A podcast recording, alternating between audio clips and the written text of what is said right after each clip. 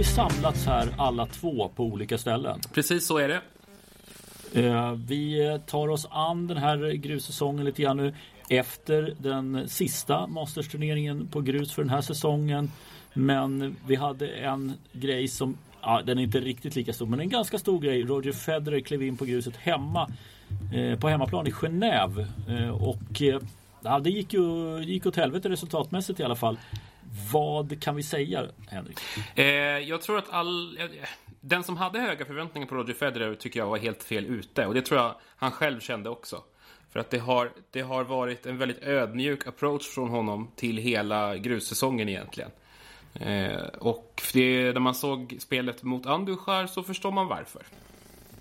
Ja, men det var inte riktigt. Det kändes inte som att han gick fullt i alla lägen. Det var det var, det var ju inte tajmingen var ju inte där men det är väl det Han har ju pratat om att det är grässäsongen Han förbereder sig inför grässäsongen Det är där som han vill liksom Komma in i rätt flow Precis. För hans del så är det naturligtvis viktigare bara att få matcher i kroppen inför gräset. Där han ju faktiskt kan göra en del skada. Eh, han kommer ju inte gå in i någon turnering som favorit. Men han har ju, kan ju lita till sitt spelsinne mycket mer där och sin rutin än han kan göra på gruset.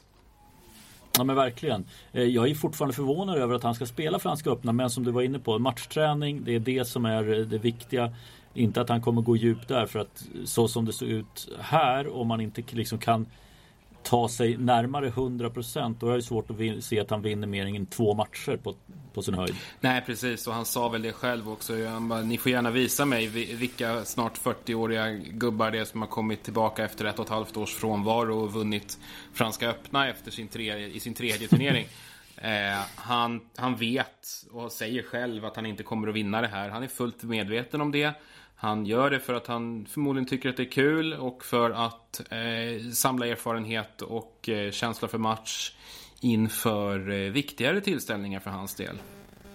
Ja, men här, här, tycker jag det börjar bli intressant. Nu, nu, var det här bara, som sagt, det här var bara det första liksom känna. Han, han var spelade förvisso nere i, i Doha var det vad han spelade. Ja, precis. Eh, men det är ett bra men, tag men, sen.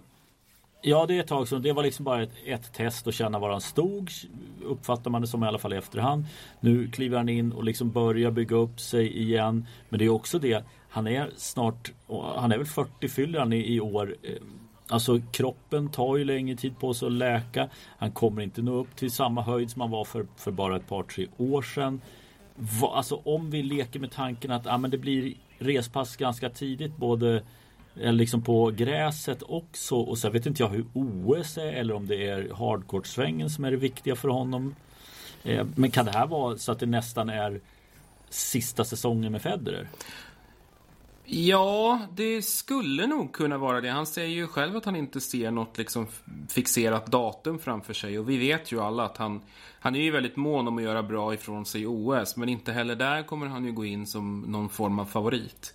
Och för varje sån här lång frånvaro, och det har ju blivit några stycken nu även för Federer trots att han varit väldigt förskonad från allvarliga skador i sin karriär. Så, så har han ju kommit tillbaka på en lägre nivå. Eh, så, så är det ju. Och det finns nog inte särskilt många som ser honom vinna Grand Slam-titlar i, i framtiden. Och då är ju frågan om om han nöjer sig med det, om han är okej okay med det och, och, kunna vinna mindre turneringar för att fortsätta bygga bygga liksom den statistiken och vara omöjlig, i alla, i alla fall hålla det rekordet omöjligt. Eh. Ja men, men det, det är Connors som skulle kunna vara det som är, är, är, fokus där som du säger och då leta segrar i, i mindre 250 turneringar. Ja, det, det, känns liksom att det känns som att det är den nivån han kan lägga sig på. För han är drygt mm. 40 han kommer att kunna vara bra en, enastående enstaka matcher. Jag tror att han har vinster kvar i sig mot de bästa spelarna i världen. Men, men jag har svårt att se att han kan, kan liksom återfinna den här enorma kontinuiteten och vara bra över tid. Som krävs ja. för att vara liksom en, en, eh, en av de absolut bästa i världen över en hel säsong. Det, det tror jag blir väldigt svårt. Ja, man har, jag har ju svårt att se honom ta Eh, i en slam eller kanske till och med Masters att plocka ner en eh, Zverev, en Nadal och en Djokovic i samma turnering eller Tsitsipas och Zverev och Nadal. Jag har svårt att se det nu.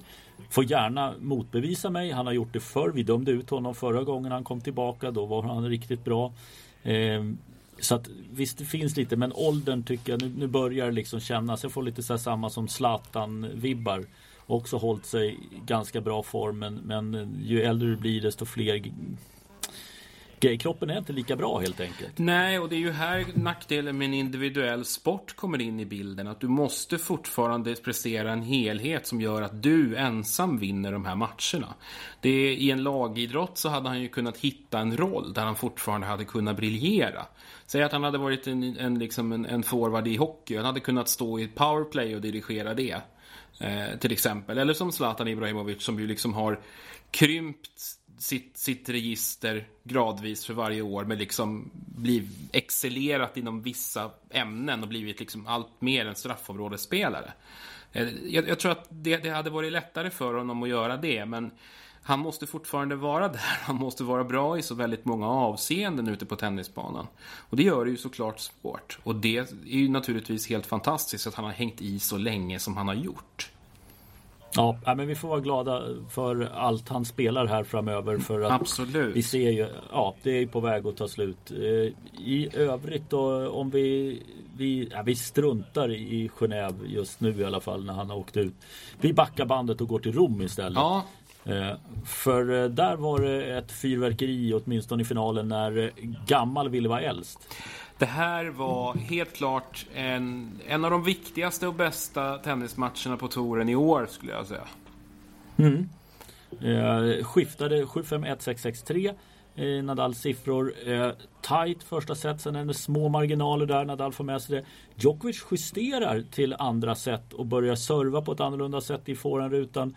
Och har en annan approach och får med sig det sättet. Sen justerar Nadal tillbaka och hittar någonting eh, otroligt häftigt och jag tror den här matchen var en sån match som båda de här två spelarna behövde också. Verkligen. Just för våren har varit stökig för båda två. Novak Djokovic, om vi börjar med honom, har ju haft en hel radda med eh, förluster under våren. Han, han, där spelet inte alls har stämt. Han åkte ju ut med, med dunder och brak mot Daniel Evans tidigare i, i vår. Ja. Eh, han torskade tidigt i sin hemmaturnering i Serbien. Eh, I Monte Carlo ska vi säga var det han, han rök mot, mot Daniel mm. Evans. Och eh, spelade ju sen inte i Madrid alls. Så att högst tveksam form för hans del. Rafael Nadal vann ju på hemmaplan i Barcelona med ett nödrop. Verkligen, verkligen, verkligen jätte jättetajt mot Stefano Tsitsipas. Hade nästan kunnat gå hur som helst och har ju riktigt tvålats till av Roblev till exempel på grus. Mm. Eh, och förlorat mot Next Gen-spelare i den här uppladdningen. Eh, och, och, var verkligen i behov av en seger han också. Så att, mm. Att båda två här kommer in och som du säger verkligen får visa att gammal är äldst. Djokovic sa väl efteråt att Next Gen, det är vi som är Next Gen. Det är bara, mm. bara att gilla läget. ja, eh, jag gillar det. Jag gillar det faktiskt det uttalet. Givetvis med glimten i ögat men eh, det är ändå någonting så här. Äh, fan, ni har en bit kvar att jaga ni i nästa generation. Faktiskt. Och så står vi här för, för några dagar sedan och tycker att både Djokovic och Nadal har gjort en dålig, med deras mått, grussäsong. Mm. Eh, och så när vi blickar tillbaka på hur det faktiskt har gått så står Nadal där med två stycken titlar ändå. En 500 och en Master. Och har spelat in nästan 2000 poäng. Igen. Eh, mm. och, och, går naturligtvis in i Franska öppna som favorit nu. Ja, absolut. absolut. Eh, om, om vi tar då, om vi backar liksom Djokovic väg fram till finalen där så han var, det, var, det var spänt där för han var toklack i matchen mot Taylor Fritz. Eh, det regnade en del. Domaren bröt det för sent enligt Djokovic så han eh, var väldigt upprörd där. Men ska sägas, snygg, snygg gest. När de kom tillbaka in på banan så bad de ursäkt för sitt beteende. Eh, men det, det, var nästan så jag fick känslan att fan det här, det här är viktigt för honom och just när det bröts där så var det lite svajigt. Ja, men hade, den, hade den matchen runnit iväg också, han hade förlorat mot Taylor Fritz Eh, det blir ju 6-3, 7-5 där, 7-5 i, i, andra set. Hade han torskat den... 7-6 till och med. Förlåt, 7-6 ja, och, och 7-5 i tiebreak. Eh, då, då, hade, då, hade vi, då hade han haft problem. Då tror jag att det hade, det hade inte varit bra för honom alls. Eh, men, men han krånglar sig ju förbi där. Fritz står ju upp på ett jättefint sätt. Jag, gillar, jag gissar ju att han gynnas mer av än Djokovic av att det är regnigt och blött och tyngre spel. Eh, eftersom mm. han har mer power i, i, eh, i tillslaget. Sen kommer Davidovic, Fokina och då blir det ju en överkörning för Djokovic. Ja, ja det, var, det var en lektion. 6-2, 6-1 då. Och sen är det ju en supertight match mot eh, Stefano Tsitsipas. Också en match som kan gå nästan åt vilket håll som helst. Ja, men det gör den inte. Nej, det gör ju inte det. två, det, det, är liksom... Två sena break, två set i rad där av Djokovic. Ja. Och, och det, där, det, där, är så häftigt att se att det fortfarande finns där. Att det är klart att det, spelar de tio sådana där jämna matcher så vinner ju Tsitsipas två i alla fall. Mm. Men det är ännu oftare som det är en Djokovic eller motsvarande Nadal i de där lägena nu. Eh, som tar hem det där. Nu, nu har vi i och för sig eh, Nadals förlust mot Tsitsipas eh, i, i tajt läge från tidigare år. Men ändå, det, det känns ändå som att det är Ja, statistiskt så borde det vara så att de här killarna vrider upp lite till där när det hettar till.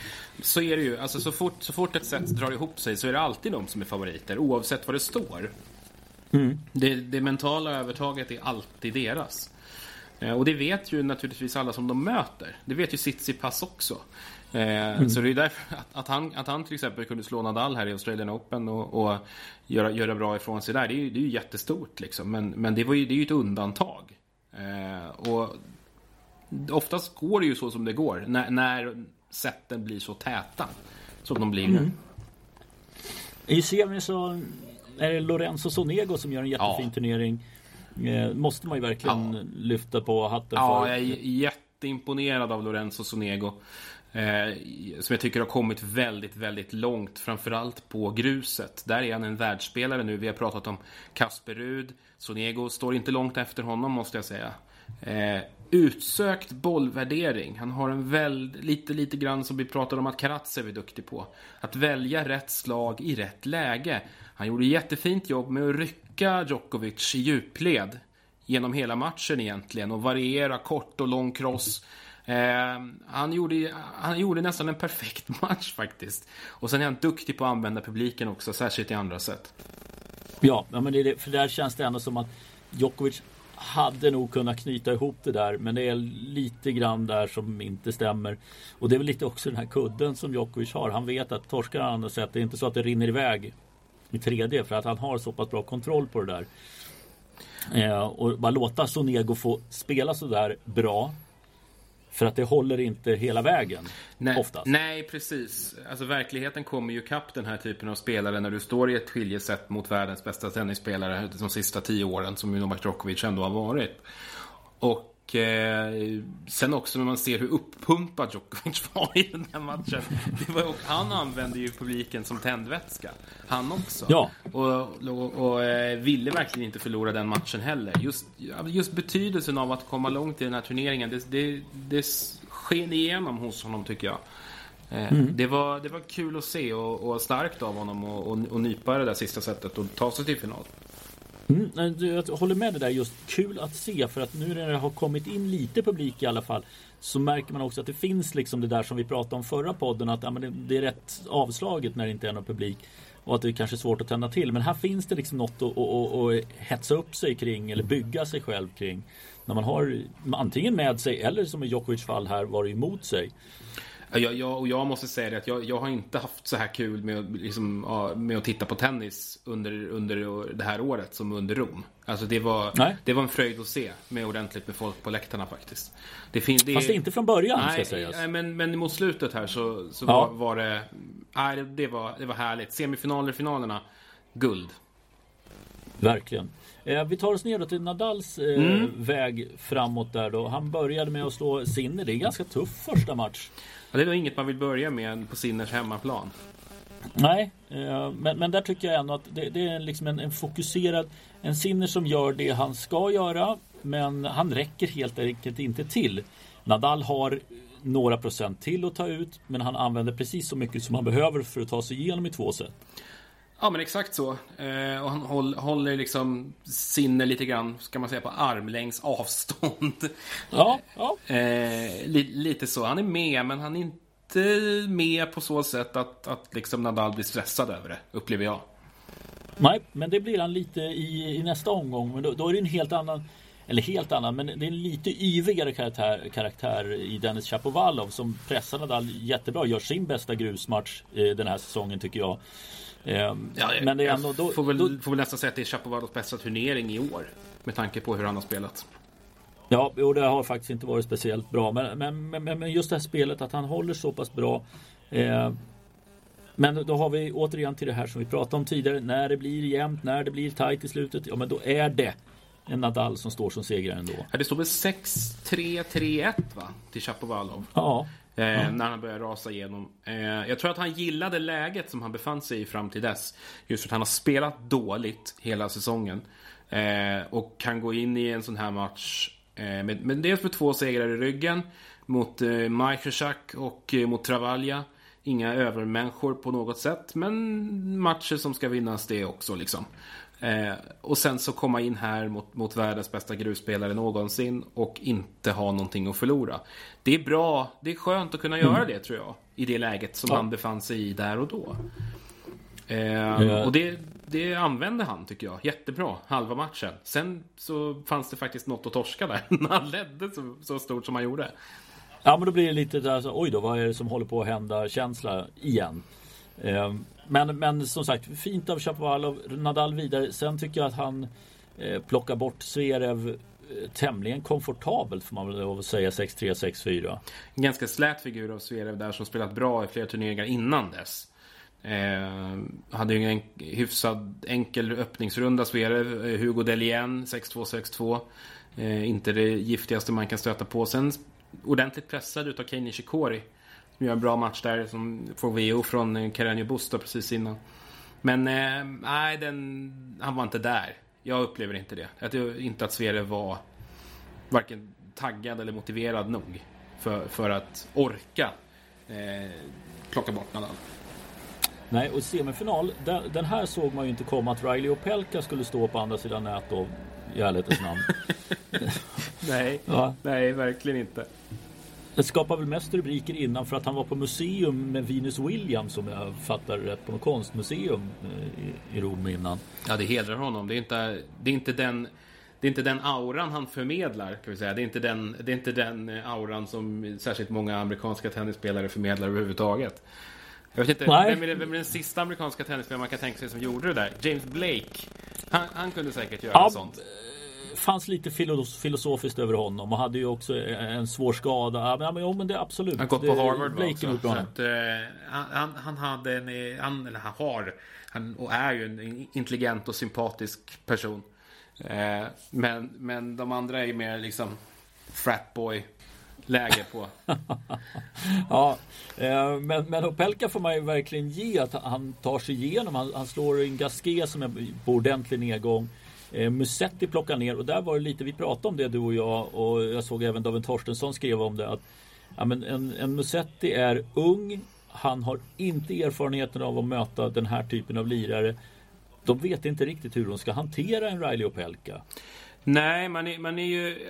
Alltså, till nästa gång ska jag försöka plocka fram lite stats på hur de här största, mest endimensionella servarna i, eh, på ATP-touren står sig mot killar som är typ under 23.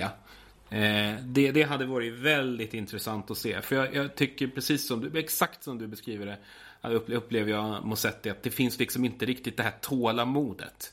Eh, och disciplinen att möta en spelare som Opelka. Och då är vi ändå på ett underlag där man tycker att Mosetti eh, mot, mot många andra spelare har en väldigt klar fördel. Och han har också en, en eh, hemmaplan naturligtvis och är i ja. god form. Ja. Det var en kanonmatch mot Hurkacz som gav upp i, i början på andra sätt. Jag såg ingen, jag kommenterade den matchen, jag såg inte vad det var med Hurkacz. Men uppenbarligen, jag tror det stod efteråt att han kände liksom orkeslös och, och sådär. Men det, det, var verkligen en kanonmatch, jätteunderhållande. Eh, så att där, av den anledningen blev jag lite överraskad av Opelka. Men jag hade just den här varningssignalen i bakhuvudet att fan det här är en annan typ av match. Och Mosetti eh, bevisligen också i eh, ganska bra form nu. Kvartsfinal i detta nu faktiskt i Lyon mot Aljas Bedene. Som han väl mm. sannolikt kommer att vinna, skulle jag säga. Ja, det borde han göra. Eh, men det, det, som överraskar mig efter den här Musetti det är att Opelka plockar bort Karatsev. Och, och, och, och sen av bara farten sen Federico Delbonis också. Men Karatsev trodde jag skulle hantera honom bättre. Kan vi ana lite soppatorsk kanske där? Många bra turneringar hittills i år. Mm. Och sen att han Absolut. kanske har en viss fördel på eh, hardcourt också. Mm. Jag ska säga att Opelka har ju ett hyfsat tillslag från bakplan också. Det, det, han, inte, han har ju liksom den stora serven som är hans jättevapen men sen är han ju inte helt ohjälplig runt banan. Eh, faktiskt. Men, eh, men imponerande. Men sen också ta sig förbi Delbonis. Delbonis tar en kvartsfinal i en Masters. Bara det är ju, är ju stort för honom. Kvalar in. Eh, Opelka, ja, Opelka går in och blåser på fram till semin. Sen så tar det stopp för Nadal vet hur man ska handskas med storservare även på eller på alla underlag.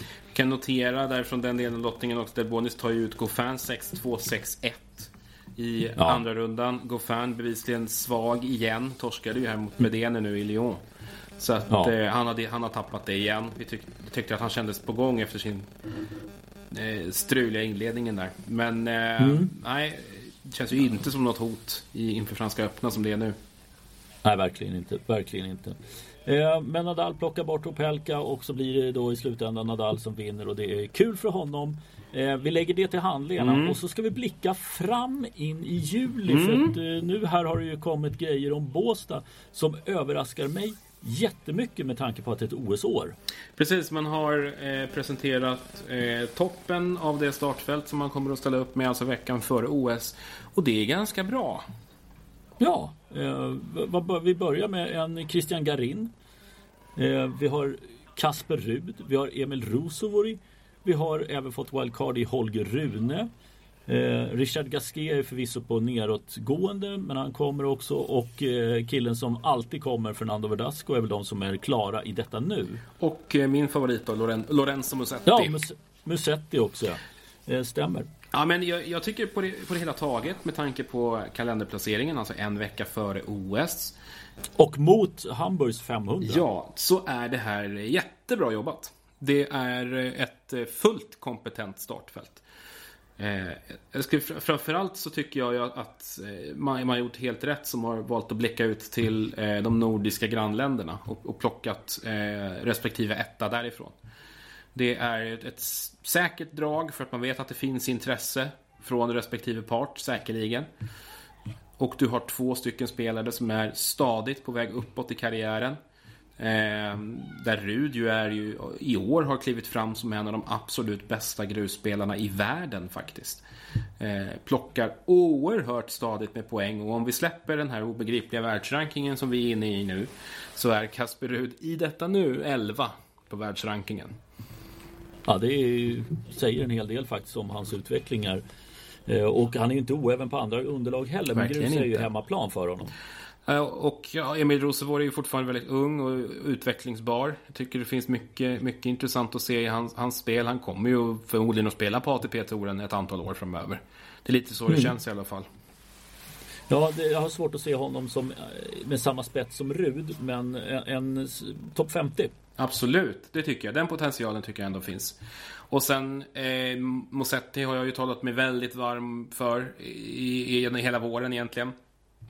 Jag tycker han ser, är en spektakulär spelare. Eh, det finns väldigt mycket Chapovalov-drag i honom. Och mm. eh, han kämpar väl lite för att få ihop den helhet av det där och, och lite kontinuitet. Men han har ju en enorm slagarsenal och bjuder ju på väldigt spektakulära poäng. Han är ju aldrig ute ur en duell egentligen. Utan eh, en nej, men oerhört sevärd spelare som känns som att det kan bli en framtida publikfavorit. Ja men det skulle det faktiskt kunna, kunna bli. Eh, Christian Garin eh, har ju en turneringsseger i år. Har ju vunnit fem titlar, alla på grus. Har varit i Båstad eh, tidigare också. Ja, eh, så att, eh, nej men han, det tycker jag är, eh, ja men det, det, det, är ett bra namn. Jag är lite förvånad faktiskt att en sån som Rud ändå väljer att ställa upp. Med tanke på att OS ligger veckan efter. Han är ju given i OS. Men här kommer det som jag undrar i år med att det är så knepig kalender med Eh, vi har covid-problemen som fortfarande, som fortfarande finns. Eh, att ja, det kanske är så att många tennisspelare väljer att inte åka dit. Jag tror, jag tror att det kanske kan vara så för det blir ju det blir ju ett ganska tydligt avbrott från den, eh, europeiska, från den europeiska delen av säsongen. Och eh, sen ska, ska man hasta vidare till USA. Man vet ju inte riktigt hur läget kommer att vara. Vi vet ju inte ens att OS kommer att bli av, ärligt talat. Det finns en väldigt, väldigt, väldigt stark opinion mot OS. Eh, både i, eh, eh i Japan och i, eh, från övriga delar av världen. Eh, det känns ju lite som att hela turneringen hänger lite grann i, i luften. Ja, jag menar lite och, och, man kan ju tänka sig att men i Japan de vill ha bubblor vilket funkar kanske för, för en del andra idrottare men tennisen fortsätter ju liksom hela tiden vecka på vecka. Mm. Eh, och det finns väl andra idrotter som också har det men just i vårt fall så är det tennisen. Och då är det ju då att du ska åka över dit och du kanske måste göra en karantänssväng. Eh, vilket om det är en karantänssväng, ja, då kommer inte några av de här spelarna kunna vara med för att turneringen börjar så pass tidigt inpå. Eh, så att det, det, är nog, eh, ja det kan bli ett ganska ihåligt startfält. Säkert vissa som kommer välja att göra det och inte spela något grus eller spela någonting efter Wimbledon. Då har du ju liksom möjligheten men ja, det där, det där kommer bli eh, det kommer bli ett annorlunda OS-år också för tennisen. Så det finns, oavsett vad och hur det blir, så är det ju en del osäkerhet som präglar Båstad, men framförallt OS. Så vi får helt enkelt vänta och se lite grann hur det, hur det här kommer att utspela sig. Det vi kan säga är att eh, man, har ju, man ligger ju på värvningsoffensiv som man ju inte gör i Hamburg just nu. De har presenterat en spelare och det är Jan Lennart Struff. ja, då, då drämmer ju Båstad på fingrarna. Ändå. Ja, verkligen, mm. verkligen. Uh, ja men det, det, är roligt. Vi, ska vi gå ut på något så här positivt om, om uh, tennisen? Ja, absolut, ja, det, var, det, ty det, tycker jag. Vi, vi säger bra Båstad, bra jobbat. Och ser fram emot sommaren.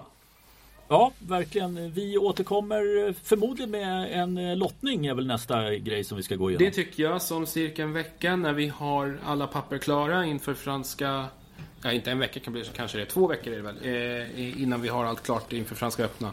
Nej, det är fan, nej, det är en vecka. Det är en vecka, ja. en vecka. Du ser. Ja. Då kommer vi igen eh, med ett eh, nytt avsnitt. Ja, tack för att ni lyssnade. Ha det gott. Hej. Hej.